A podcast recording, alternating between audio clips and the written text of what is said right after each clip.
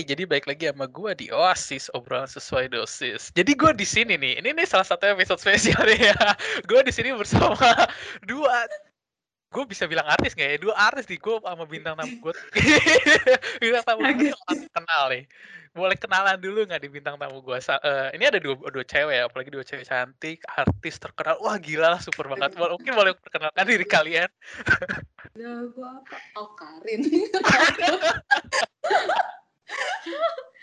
Uh, ya perkenalkan, halo nama gue Rahel, Rahel Natalia. Uh, gue tinggal di Berlin. Ya apa ya artis tuh kagak sih itu lebay banget sih. Enggak cuma uh, orang yang sering main Instagram, hobinya foto-foto centil gitu aja sih ya. You name it lah itu namanya apa gitu. Boleh boleh boleh. Oke. Okay. Uh, satu lagi boleh perkenalkan diri. Oke, okay, nama gue Cindy Meliana. Mm-hmm. Dan juga sama kayak Rachel sih, kayak kita bukan aktif, tapi kayak kita demen banget foto-foto kayak di setiap spot ada, uh. kita kayak demen aja foto-foto terus posting ke Instagram. Ya pokoknya kayak Instagram itu sesuatu banget lah buat kita ya. Sumber penghasilan cuy. Ini itu salah satu lah. ini, ini kalian mencoba menciptakan sebuah image yang bagus gimana? Kok kayak denial banget gitu? Kalian tidak mau menyebut diri kalian seorang artis gitu. so, soalnya gini ya sebelum sebelum gue masuk ke ini gue mau nanya emang menurut kalian artis itu apa sih? Apa yang ada di benak kalian saat orang ngomong artis gitu loh? Kenapa kalian nggak mau bilang diri kalian artis? Bahkan anak kecil pun anak kecil yang SD yang terkenal di sekolahnya mereka bisa bilang aja eh gue artis loh. Kenapa kalian nggak mau menyebut me mengklaim bahwa diri kalian seorang artis Iya, soalnya kayak artis tuh di bawah gue tuh kayak beneran udah terkenal banget, kayak udah banyak yang tahu dia, hmm. terus dia tuh siapa, kayak gitu-gitu loh. Sedangkan gue ngerasa kayak uh, let's say di Christ gue gitu, di circle gue, itu masih kayak teman-teman sendiri yang gue pun juga kenal mereka. Jadi kayak lebih ke dua arah gitu. Sedangkan kalau artis, gue selalu ngelihatnya ya di pandangan gue, hmm. itu adalah seorang yang dia nggak belum tentu kenal dengan fans-fansnya, sedangkan orang tuh banyak kenal dia jadi lebih arah circle gue sih sama ini masih dua arah ya iya nggak sih Sin? atau? Lu juga. Gimana ya? Ada sih beberapa yang emang nggak kenal gitu. Tapi kayak kalau bagi gue itu artis kayak udah banyak banget fansnya kayak udah melebihi ribuan bakal enggak sih kayak udah kan iya puluhan ribu, ribu gitu, ya, kan. melebihi puluhan ribu iya. kan kalian juga udah puluhan ribu. Enggak sih, Ya, yang puluhan ribu. Enggak. Gue belum sampai lima belas ribu. Hello, dia udah puluhan, udah mau tiga puluh ribu. Gue setengahnya dia, coy. Jadi dia artis. Salah cus ya, baik. Salah cus. Tapi enggak kayak apa namanya? Itu kayak yang udah kayak kalau bagi gue kayak gimana ya? Kayak udah betul-betul artis gitu. Public figure. Public figure. Nah iya benar artis tuh menurut gue juga public figure Soalnya gitu loh. beda gitu loh. Yeah. kalau di Instagram itu kan namanya selebgram kalau nggak influencer kan. Yeah. kalau hmm. artis itu betul-betul artis gitu yeah, yang acting gitu-gitu iya. Iya benar-benar itu hmm, hmm, sih. oke okay, tapi uh, gue gue gue gue sebelum podcast ini gue udah uh, survei uh, bukan research dulu. Dan kalau mau kalian tahu ya artis itu menurut KBBI jadi ini kamus besar bahasa Indonesia ya. Artis itu ahli seni atau nggak seniman seniwati. Jadi bisa seorang penyanyi pemain film pelukis pemain drama apa pun yang itu emang kalian uh, uh, apa di bidang seni gitu. Jadi kalau mau dibilang kalian tuh sedang menuju menjadi seorang artis dong. Bisa dibilang. okay. ya kalau emang bisa, kan? definisi itu ya oke okay lah bisa dibilang kita sedang on the way ke sana. Oke. Okay. juga membuat karya ya sih. Betul. membuat karya. Ya oke okay lah. Boleh lah, boleh. Terima kasih. Oke oke oke. Nah uh, tadi kalian sempat mention gitu, uh, kalian bermain sosial media ada followersnya udah ada tiga berapa kak? Dua puluh berapa puluh ribu? Sini dua puluh lima ribu ya? Dua puluh lima kak ya? Dua puluh tujuan. 27 uh, Rahel berapa? 13. 13. Berapa? 13. Ya. Nah, sebelum gue ngomongin kayak ke uh, banyaknya followers kalian, boleh nggak nih cerita sedikit tentang uh, gimana sih kalian bisa terjun ke sosial media ini gitu loh. Maksudnya dengan akhirnya kalian terjun ke sosial media ini terus akhirnya dapat uh, dapat followers segitu banyak gitu loh. Boleh cerita dikit nggak nih? Atau mau cerita banyak juga boleh. Mungkin dari dari Rahel dulu nih. Gue ya, gue itu karena kan gue tinggal di Berlin, ya kan, tinggal di Jerman. Nah, jadi awalnya karena gue suka jalan-jalan. terus udah gitu kayak banyak foto-foto banyak foto-foto kayak di tempat-tempat yang apa ya yang yang gemes-gemes gitulah yang di Indo nggak ada Nah jadinya uh, eh kok seneng gitu gue foto kayak gitu tuh gue sendiri seneng terus kayak dengan segala proses editing soal fotonya sendiri akhirnya gue rajin upload dari itu sih sebenarnya dari rajin upload terus pakai hashtag hmm. jadinya tiba-tiba banyak nggak banyak sih saya pelan-pelan uh, orang ngefollow di luar orang yang gue kenal.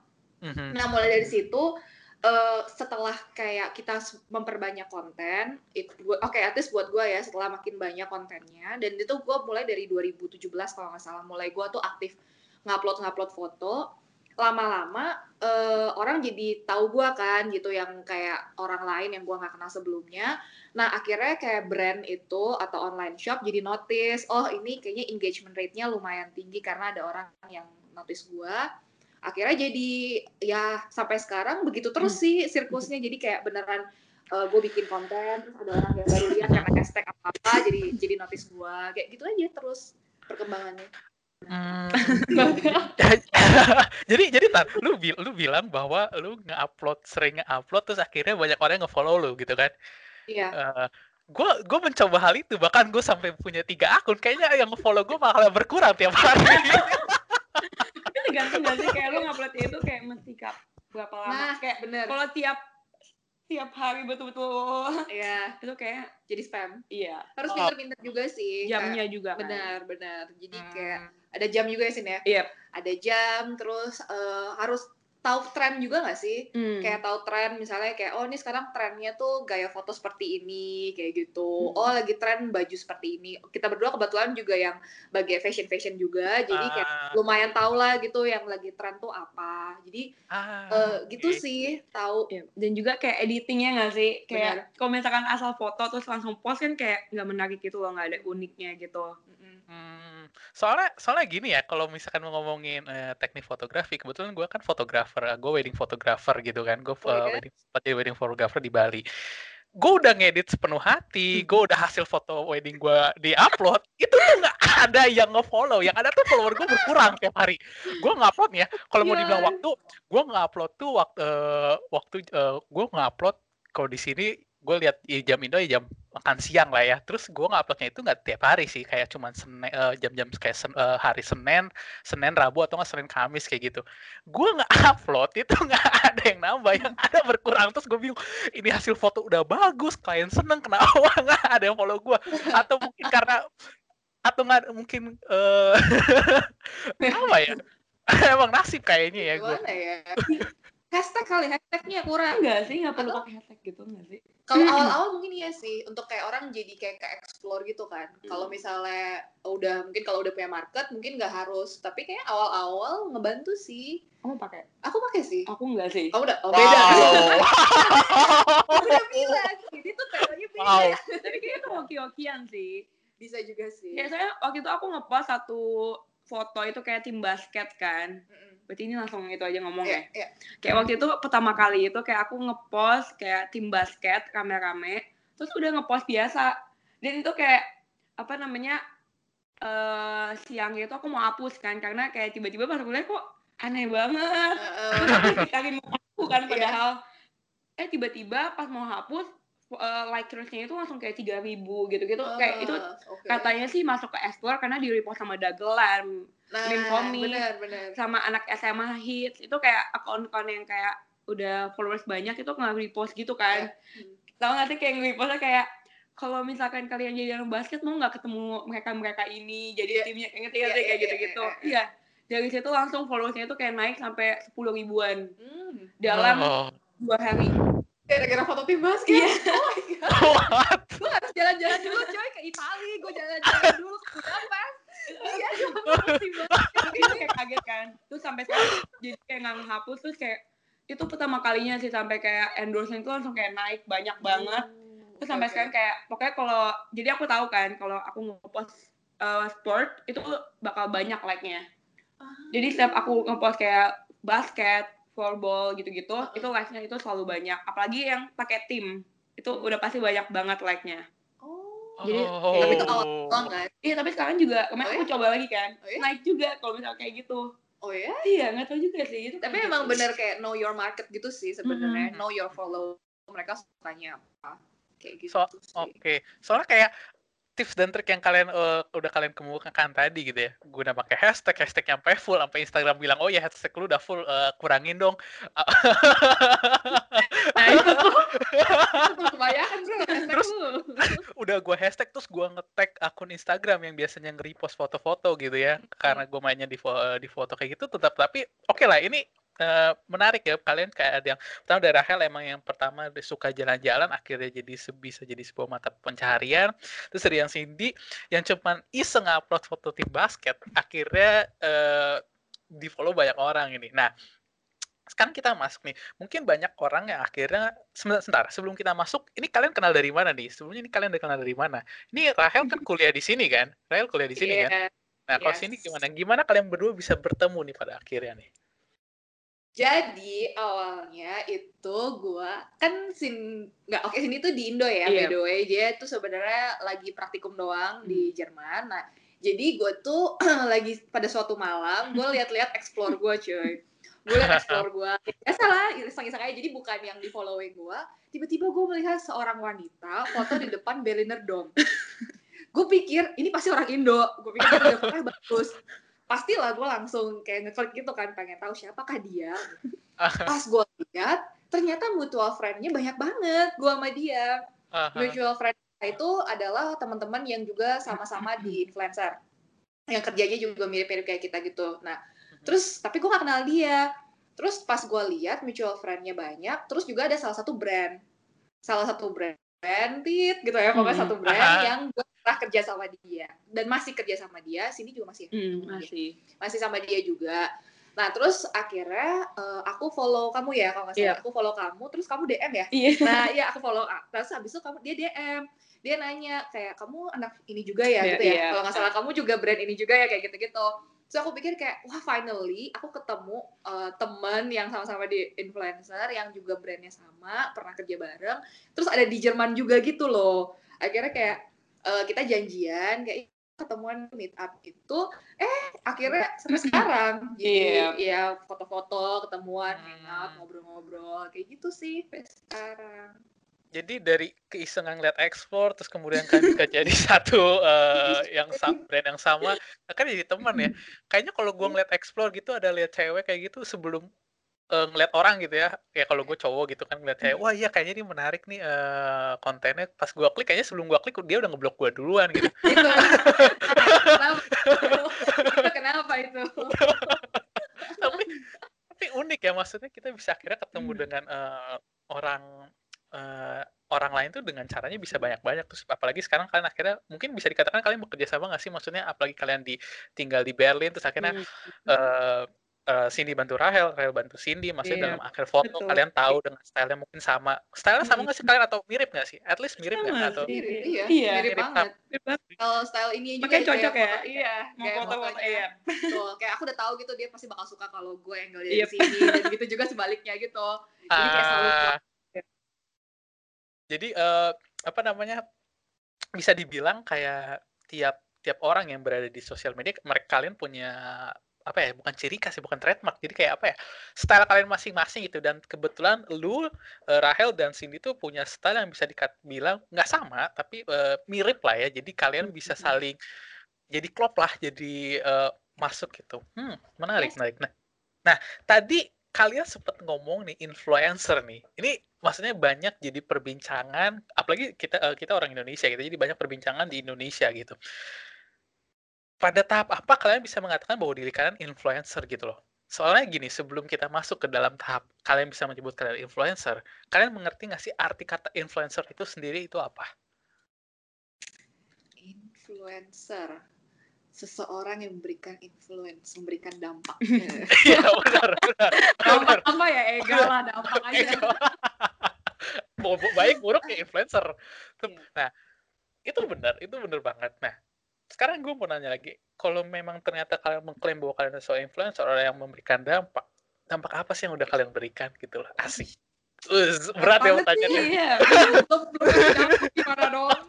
kayaknya belum ngasih dampak apa-apa nih. Gagal Soal, dong kita. Soalnya, uh, uh, mungkin ini jadi bukan apa ya, bukan ngeklaim tapi kayak gue pengen nanya sendiri kepada figur yang emang bermain di ranah ini gitu loh. Hmm. Uh, soalnya kalau gue sendiri gue nggak bisa bilang influencer, public figure atau apa-apa.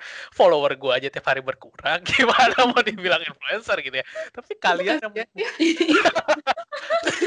kasih kasih follower beliin, beliin mau dibeliin nggak follower nah, itu juga satu tema yang bagus yeah. tuh beli follower tapi uh, tapi mas gimana influencer ya apa hmm. dampaknya uh, lebih ke sharing is caring gak sih lebih ke arah sharing gitu. Uh, gue ngelihatnya sih, misalnya nih ya video video terakhir gitu, gue sempat share uh, how to style your dress gitu in seven hmm. ways gitu, macam-macam kayak gitu tentang summer uh, tentang summer gitu, summer styling.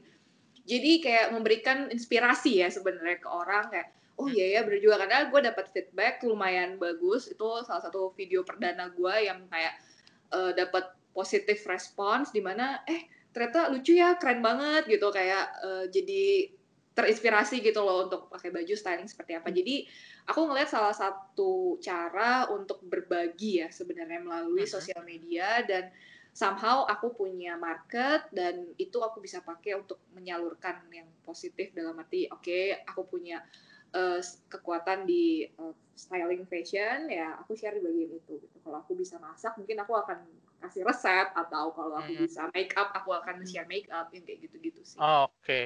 Kalau dari sini gimana nih? Apa nih kira-kira apalagi uh, lu udah lebih banyak gitu ya, banyak orang yang mengikuti lu di platform sosial media tersebut. Apa nih yang akhirnya lu menginfluence orang lain? Hmm. Bahasanya jelek hmm. banget menginfluence, kita enggak lah. Oke. Okay gimana um, iya sama kayak Rachel sih kayak apa namanya kita kayak ngepost apa pun kayak tapi yang penting kita bisa kasih nama kita mau kayak kasih dampak baik atau buruk itu ada di tangan kita gitu kan hmm. kalau misalkan kita ngepost kayak ngegalau terus kayak ngepost yang kayak ngehujat hmm. nyindir orang gitu kan berarti itu juga kita itu nge-influence orang buat ikutan ngebenci sama orang itu hmm. dan pastinya banyak yang komen juga sih kayak itu kenapa? Lagi ada masalah apa? gitu-gitu. Kenapa kalau aku sendiri sih aku kayak ngepostnya itu kayak karena aku suka kulineran jadi kayak ngepost tentang makanan. Dan kadang itu banyak orang jadi datang juga ke tempat makan tersebut gitu. Oh nah okay. aku ada juga orang yang nggak aku kenal dia kayak nge-reply itu di mana? Terus kayak baju-baju kayak post OTD itu di mana? Dan juga yang paling menarik itu kayak aku baru tahu kayak beberapa minggu lalu itu kan ngepost tentang traveling kan foto-foto uh-huh. di mana-mana. Terus kayak banyak banget yang nge-save dan mereka bilang uh, semoga uh, nanti aku kalau ke sini aku bakal fotonya di spot foto itu yang kayak kakak dia bilang.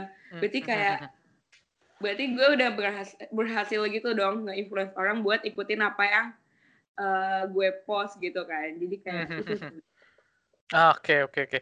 Jadi ternyata dampaknya banyak juga ya. Maksudnya uh, ada orang-orang yang terinspirasi, ada orang lebih banyak ke eh, inspirasi ya. Iya.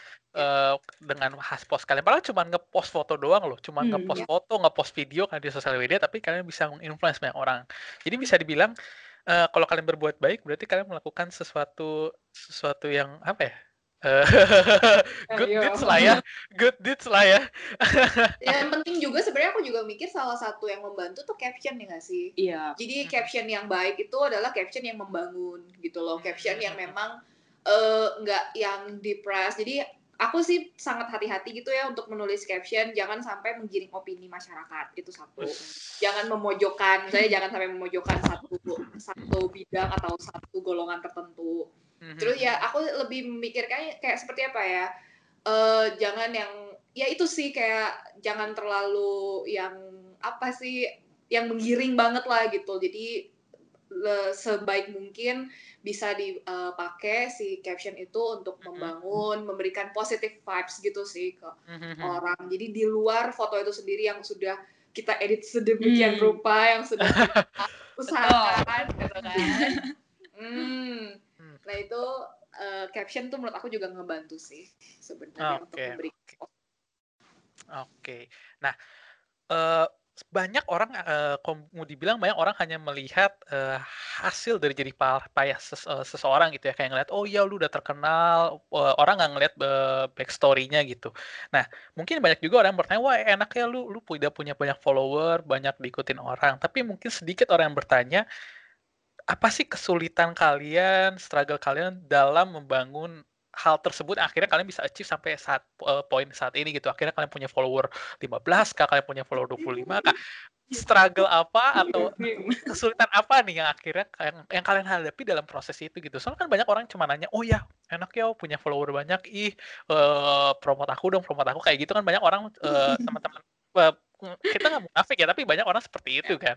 Ya. Tapi nggak ada yang nanya, "Eh, gimana sih lu akhirnya bisa sampai sini?" atau mungkin uh, praise kalian, muji kalian, oh ya keren lu akhirnya bisa sampai ke titik ini. Nah, struggle dan kesulitan apa nih yang kalian hadapi eh, dalam proses tersebut? Itu sih kayak kita wajib ngebuat konten, hmm. kayak hmm. kayak kalau kita kayak seminggu nggak ngepost aja itu pasti followers bakal berkurang sih, hmm. ya nggak sih? Yep. Yep. Terus kayak pokoknya kita ke mana pun kayak harus ngambil foto dan kita itu ngetek foto itu nggak nggak cuma sekali langsung jadi tapi kita kayak betul-betul harus cari angle dan sebagainya itu yang pas banget buat bikin itu foto itu bagus backgroundnya uh-huh. tempatnya cahayanya gimana makanya itu kenapa kayak kita harus betul-betul uh, punya fotografer itu yang betul-betul sabar banget hmm. dan udah tahu kita karena kan banyak orang kayak cuma asal foto ya udah yang penting jadi kan tapi kan kalau kita nggak bisa gitu kan hmm. Mm-hmm. Jadi itu struggle sih dan juga kita harus kayak spotnya itu nggak boleh sama, bajunya nggak boleh sama. Terus kayak ya. Okay. itu, itu struggle sih. Tapi lama-lama jadi enjoy. Ya. Dan kalau aku buat aku pribadi juga, maksudnya uh, yang kesusahan aku adalah jadi sedikit banyak ya, sedikit banyak jadi mikir uh, nanti orang mikir apa gitu loh. Mungkin nggak 100% baik, tapi kayak aku sebenarnya dulu adalah eh, sampai sekarang sih sebenarnya aku termasuk orang yang kayak lumayan ya bodo amat lah orang ngomong apa kayak gitu gitu kalau dalam kehidupan uh, sendiri ya maksudnya kayak dalam gue berrelasi di dunia nyata ya bukan di dunia maya gitu. Tapi di dunia maya gue berpikir kayak gue nggak bisa se sekarang ya sekarang gue udah nggak bisa sebodoh amat itu gitu loh. Kadang kalau misalnya gue ngomong yang salah atau apa kan gue bisa yang tadi itu menggiring opini masyarakat ke yang belum tentu benar gitu.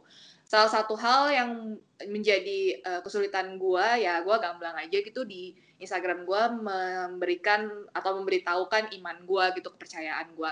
Pernah sampai ada orang yang nge-DM gue dia bilang oh kamu orang Kristen ya dia kayak gitu. Nah uh-huh. buat gue tuh satu hal yang kayak ya terus kenapa emang kenapa gitu. Gue sampai bertanya-tanya kayak apakah salah gitu sebagai orang yang memang udah punya uh, follower let's say kayak gitu uh-huh. uh, menceritakan iman dia gitu loh di dalam uh, konten dia atau di dalam uh, Instagram pribadi dia gitu loh apakah sekarang uh, apa pun yang gue post itu menjadi keputusan masyarakat kan nggak gitu sebenarnya uh-huh. gitu loh jadi kayak kenapa gue uh, ngepost tentang fashion tentang gue uh, hura-hura lu nggak komen gitu loh malah komennya kayak uh, yang bagus gitu. Tapi saat gue uh, komen tentang um, let's say iman gue kayak gitu itu kayak orang uh, ada yang nyinyir gitu. Atau juga ada juga yang sempat tanya kayak uh, minta foto cowok gue sempet hmm. ada yang nanya kayak gitu. Tuh jarang banget. Iya gue tuh jarang banget foto sama cowok gue dan juga cowok gue tuh nggak suka gitu di post di Instagram. Jadi bener-bener jarang banget. Sempet ada yang DM nanya gitu kan. Pas gue sempet sekali ngepost Insta story nanya lo kok tapi nggak pernah ada di uh, fitnya gitu loh nggak pernah ada foto cowok gue jadi kayak hal-hal seperti itu buat gue kayak kenapa sih emang harus di kayak dikiranya di, kayak, apa namanya lu malu atau apa iya sih, iya dikiranya kayak kenapa sih kalau nggak di share gitu. Hmm. loh cowok gue punya privacy gitu.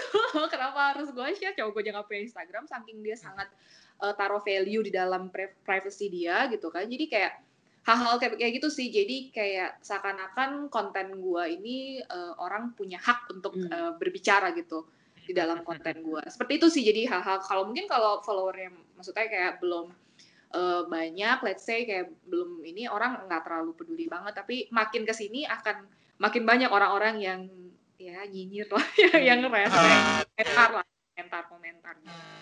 Jadi ternyata gitu sih. Eh, mungkin banyak orang yang oh ya dulu cuma upload seperti itu doang tapi nggak tahu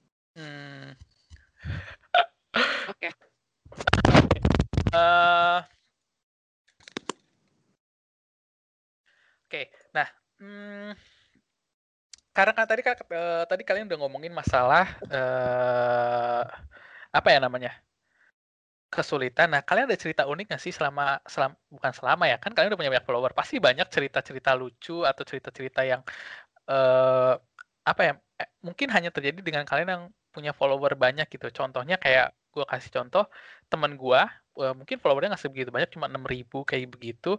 Dia seorang wanita dan dia sering di DM sama pria uh, foto yang tidak senonoh. Uh, you know you, you know what I mean kan? Jadi kayak yeah. dia tuh jadi dia cewek, dia tuh suka dikirimin foto seperti itu terus kayak oh ya gila gue baru kayak gini uh, followers segini aja udah kayak gini gimana followernya banyak gitu. Nah, mungkin kan ada nggak sih cerita-cerita kayak kesialan atau cerita-cerita apa ya yang mungkin bisa dikatakan oh ya nih gue ngalamin karena follower gue banyak nih. Ada nggak tuh? ada sih beberapa kayak contohnya itu kayak ada yang ngirim juga kayak cowok dia ngirim foto-foto kayak gitu juga. Iya. Pernah lu? Pernah. Terus abis itu pernah kan? Terus kayak tapi nggak ditanggepin. Terus yang kedua itu ada lagi dia kayak fotoin kunci mobil sama rekening ATM-nya itu berapa nominalnya. Udah sih Kim kayak gitu. Terus kayak uh, kayak di uh, mau nggak jadi pacar gue? Kayak gue udah makan gitu-gitu. Terus ada juga kayak apa namanya kayak account dari luar juga account dari luar gitu dia kayak sugar daddy kayak dia kirim mau nggak semalam hmm. segini-gini terus kayak uh, kalau berminat tinggal bilang aja gajinya segini-gini kayak hmm. kayak gitu-gitu sih. Uh -huh. tapi tapi maksudnya tapi itu bener kejadian. Padahal kayak Maksudnya itu kekirim ke DM lu itu itu beneran kan nggak dibuat-buat kan? Kayak kalau kalau Rahel ada nggak nih uh, cerita-cerita kayak tadi sini kayak gitu? Ditawarin Aduh. atau uh, dikirimin yang kayak gitu? oh, nggak, gue nggak ada. Tapi baru nih belum terlalu lama kejadiannya. Eh, dia minta uh, bantuan, hmm. minta bantuan gitu di online gitu terus nggak bisa uh, ya karena pandemi jadi nggak terlalu banyak uh, apa namanya uh, yang naik ojek. Akhirnya dia kayak kesusahan gitu. Terus dia bilang dia punya anak dia punya bayi gitu. Terus dia minta kayak transfer uang atau enggak minta makanan gitu sih gitu. Nah jadi uh, gue sempet bingung gitu. Karena tiba-tiba kayak chat terus chatnya tuh yang niat gitu yang panjang banget gitu. Uh -huh. terus uh, uh, eh, gue bilang sama dia gitu emang bapak tahu saya dari mana kenapa minta ke saya? gitu kan. Terus kayak hmm. karena buat gue pribadi gue bingung gitu emang ada ya zaman sekarang orang tuh minta bantuan tuh nge DM gitu loh kepada orang yang stranger banget gitu. Emangnya dulu gak punya keluarga atau teman? gitu. Nah terus uh, terakhir dia akhirnya kan dia nanya dia, dia bilang katanya ya dia tahu gua karena emang udah follow gua.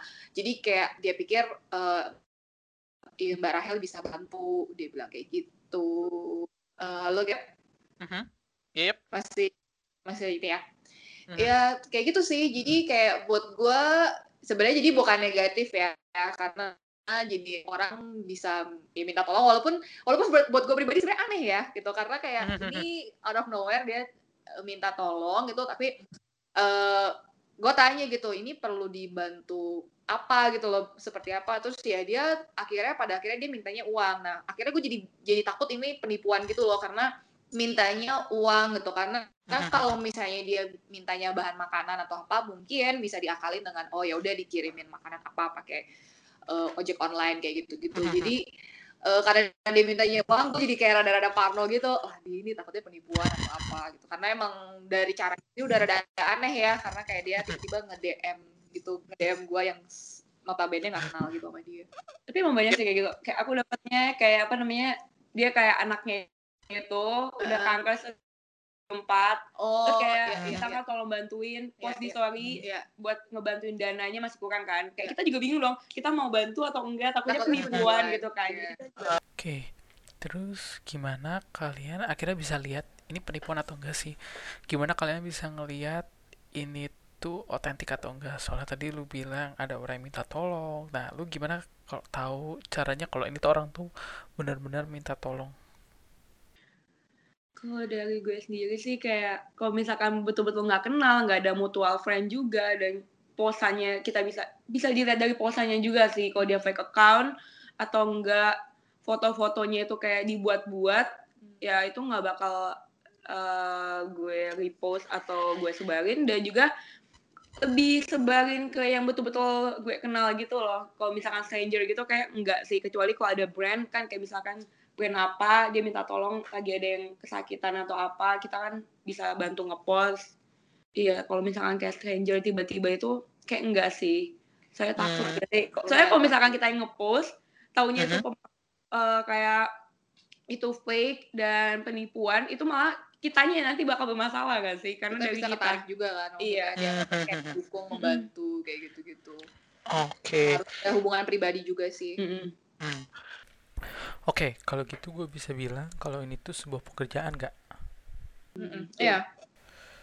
Oke, okay, jadi gue bisa katakan kalau ini tuh sebuah pekerjaan ya dan di pekerjaan kalian ini kalian punya punya resiko juga gitu dan ternyata resikonya itu bukan resiko yang kecil ya semata-mata gitu bisa dibilang resikonya pun kalian punya resiko tinggi contohnya kayak tadi dengan lo ngepost sesuatu lo bisa menggiring mindset atau opini seseorang ke suatu arah gitu bisa positif bisa negatif hanya yang efek buruknya mungkin bisa negatif oke ngomongin pekerjaan gitu ngomongin keluar pekerjaan pasti mungkin kita juga har mungkin harus ngasih tahu keluarga kita gitu ya. Nah, gue mau nanya nih persepsi orang sekitar kalian mengenai pekerjaan kalian ini gimana sih?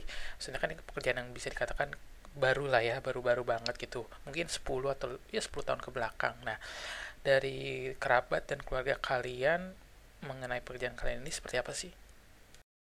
Hmm, dari gua sih, gua uh, ya ini bukan gua punya pekerjaan utama gitu. Gua juga di Jerman, di sini juga gua ada kerjaan. Jadi ini lebih ke side job sih buat gua ini. Nah, awalnya uh, keluarga sih saya sampai sekarang nggak tahu ya, karena gue nggak tinggal di Indo. jadi keluarga gue nggak tahu, mereka juga main Instagram, jadi nggak ada problem. Mungkin lebih ke arah uh, pasangan ya gitu ke uh, cowok gue yang bakal jadi calon suami. Yeah. calon suami. Tahu ya. Di announce nih ya. Di announce. Announce ya nih. Eh, gue punya gitu gue. Eh, gue punya pacar. Udah mau nikah gue.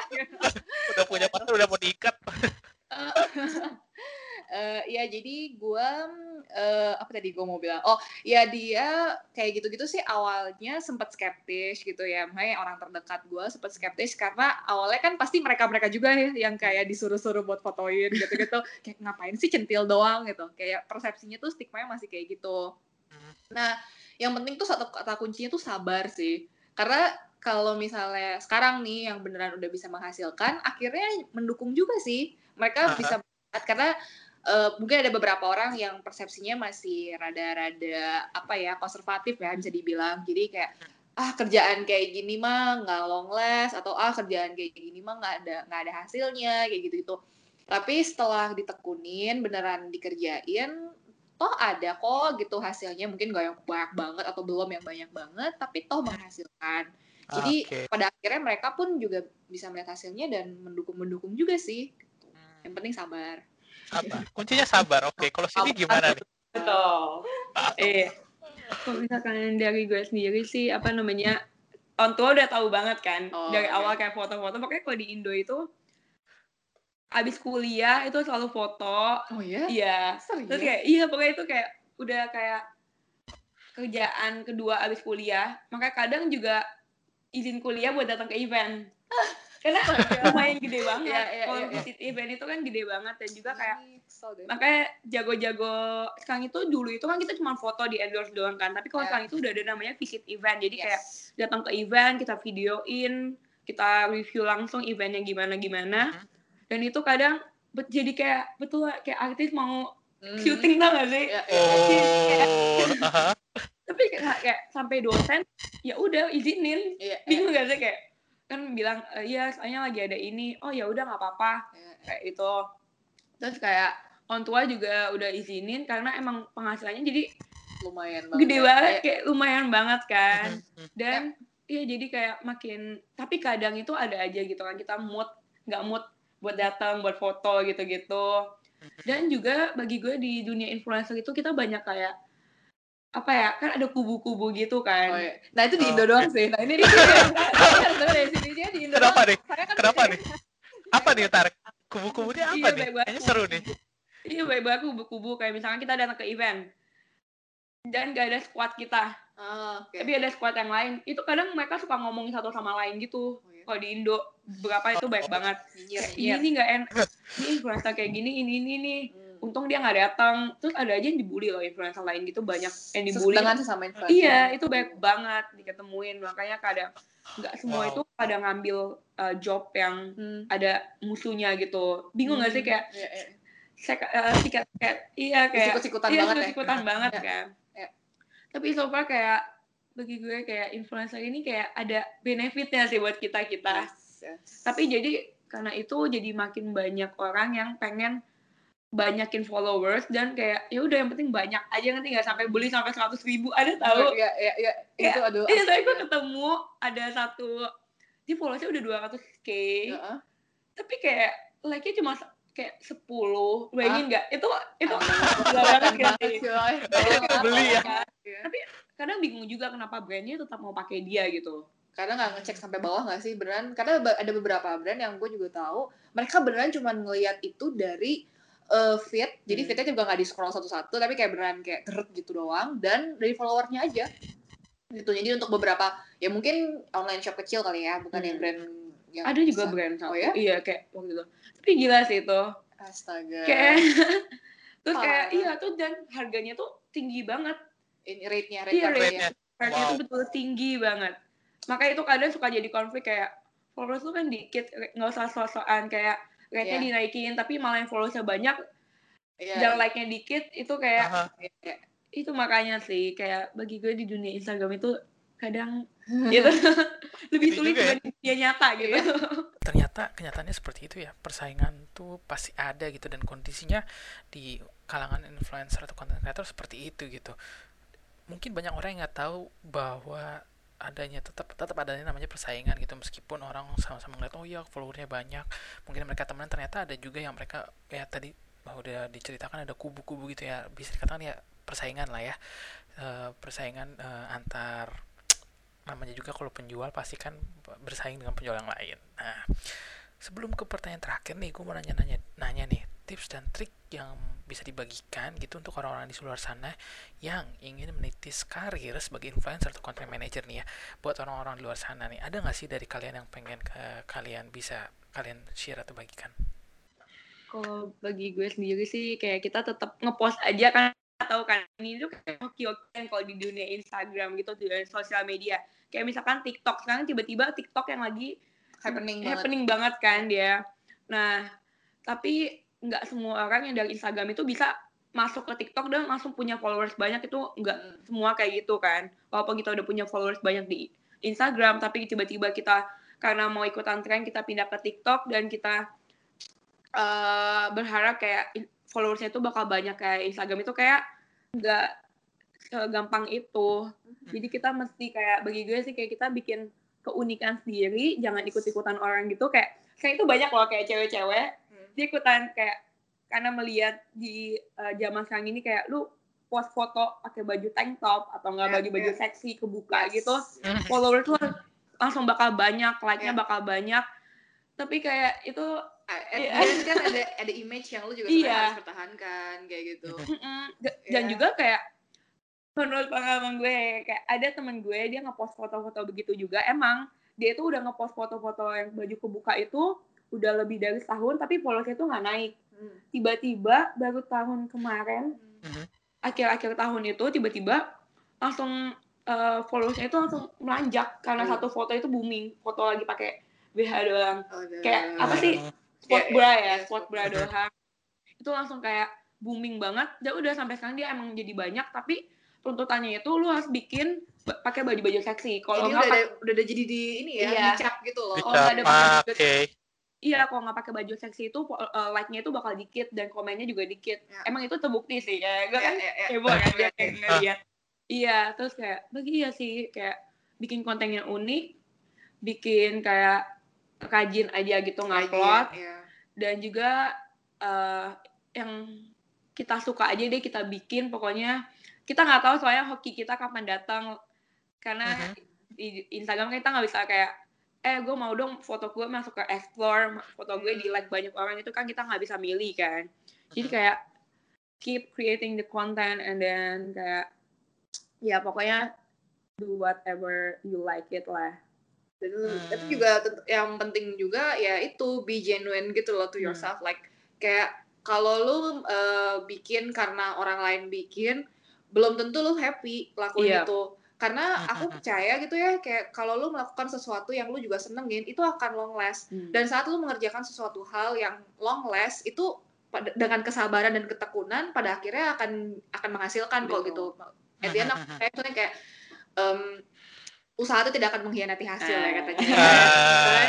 Dan, jadi aku ngerasa kayak itu sih gitu, jangan keikut-ikutan karena oh just because ngelihat orang lain kayak gini gitu. Kayak contohnya tadi yang temannya si Cindy itu belum tentu sebenarnya dia nyaman uh, yeah. foto seperti itu kan kita nggak tahu gitu kalau dia nyaman ya oke okay lah good for you tapi misalnya dia nggak nyaman cuman karena branding aku nggak yakin bahwa dia akan bisa tahan ini untuk selamanya gitu loh. Kan pada akhirnya nanti bisa ke mental ke hmm. psikis apa segala macam kan kita sering dengar juga ya kalau sosial media itu juga bisa ngarah ke sana itu jadi buat aku juga yang penting adalah uh, genuine aja gitu loh. Lu sukanya apa lu share aja gitu loh.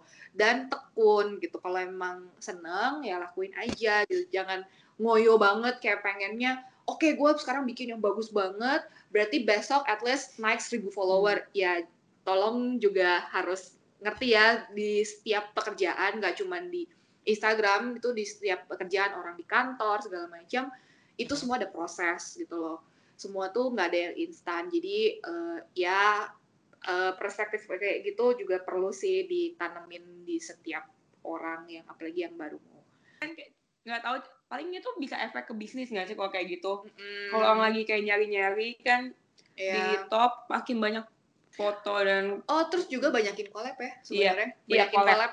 Banyakin collab deh kayak misalnya collab atau collabs collab kolaborasi bro. Oke oke oke. Oke oke. Banyakin kolaborasi. Beda ya kolaborasi sama pansos. Jangan jadi pansos ya. Kalau pansos tuh jadi parasit doang gitu.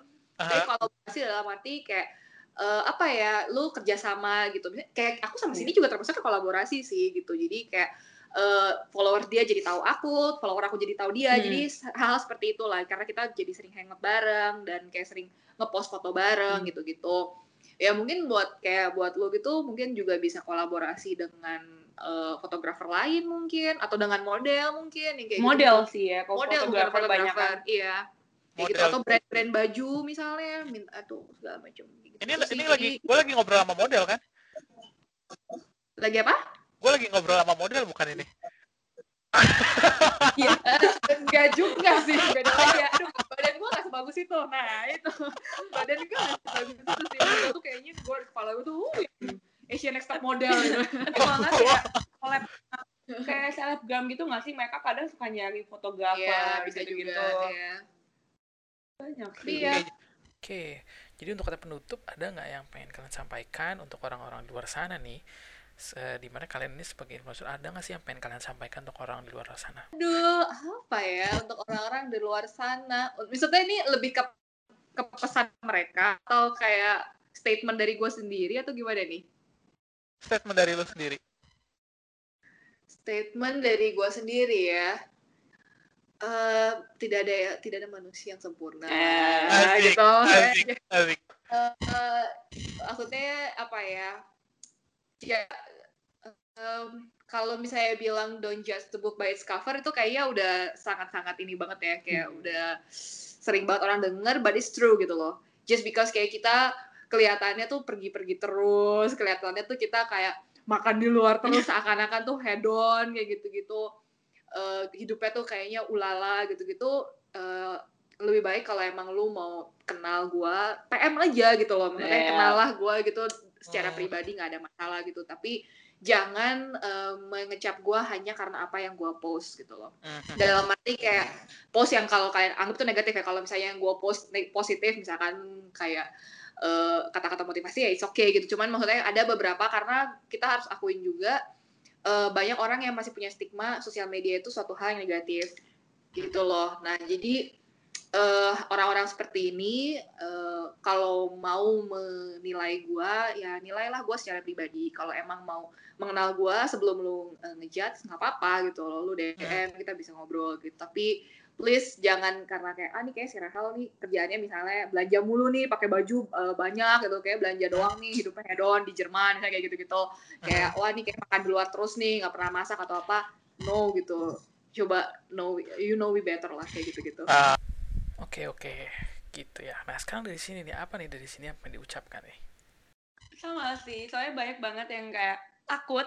Kayak ada beberapa juga orang kayak sebelum kenal itu mereka takut karena uh, pas lihat Instagram itu kayak orangnya ke high class terus kayak sombong terus kayak jadi takut gitu loh mau berteman di dunia nyata kan. Mereka baik banget sih beberapa yang uh, gue ketemuin dia selalu ngomong eh ternyata lu nggak kayak di Instagram. Eh gue kira lu bakal di Instagram kayak sombong terus kayak iya. nggak gampang bergaul karena kayak dunia lo itu nggak mau temenan sama orang-orang bukan salah iya kan bawah dibilangnya kayak oh, beda kasta cuy.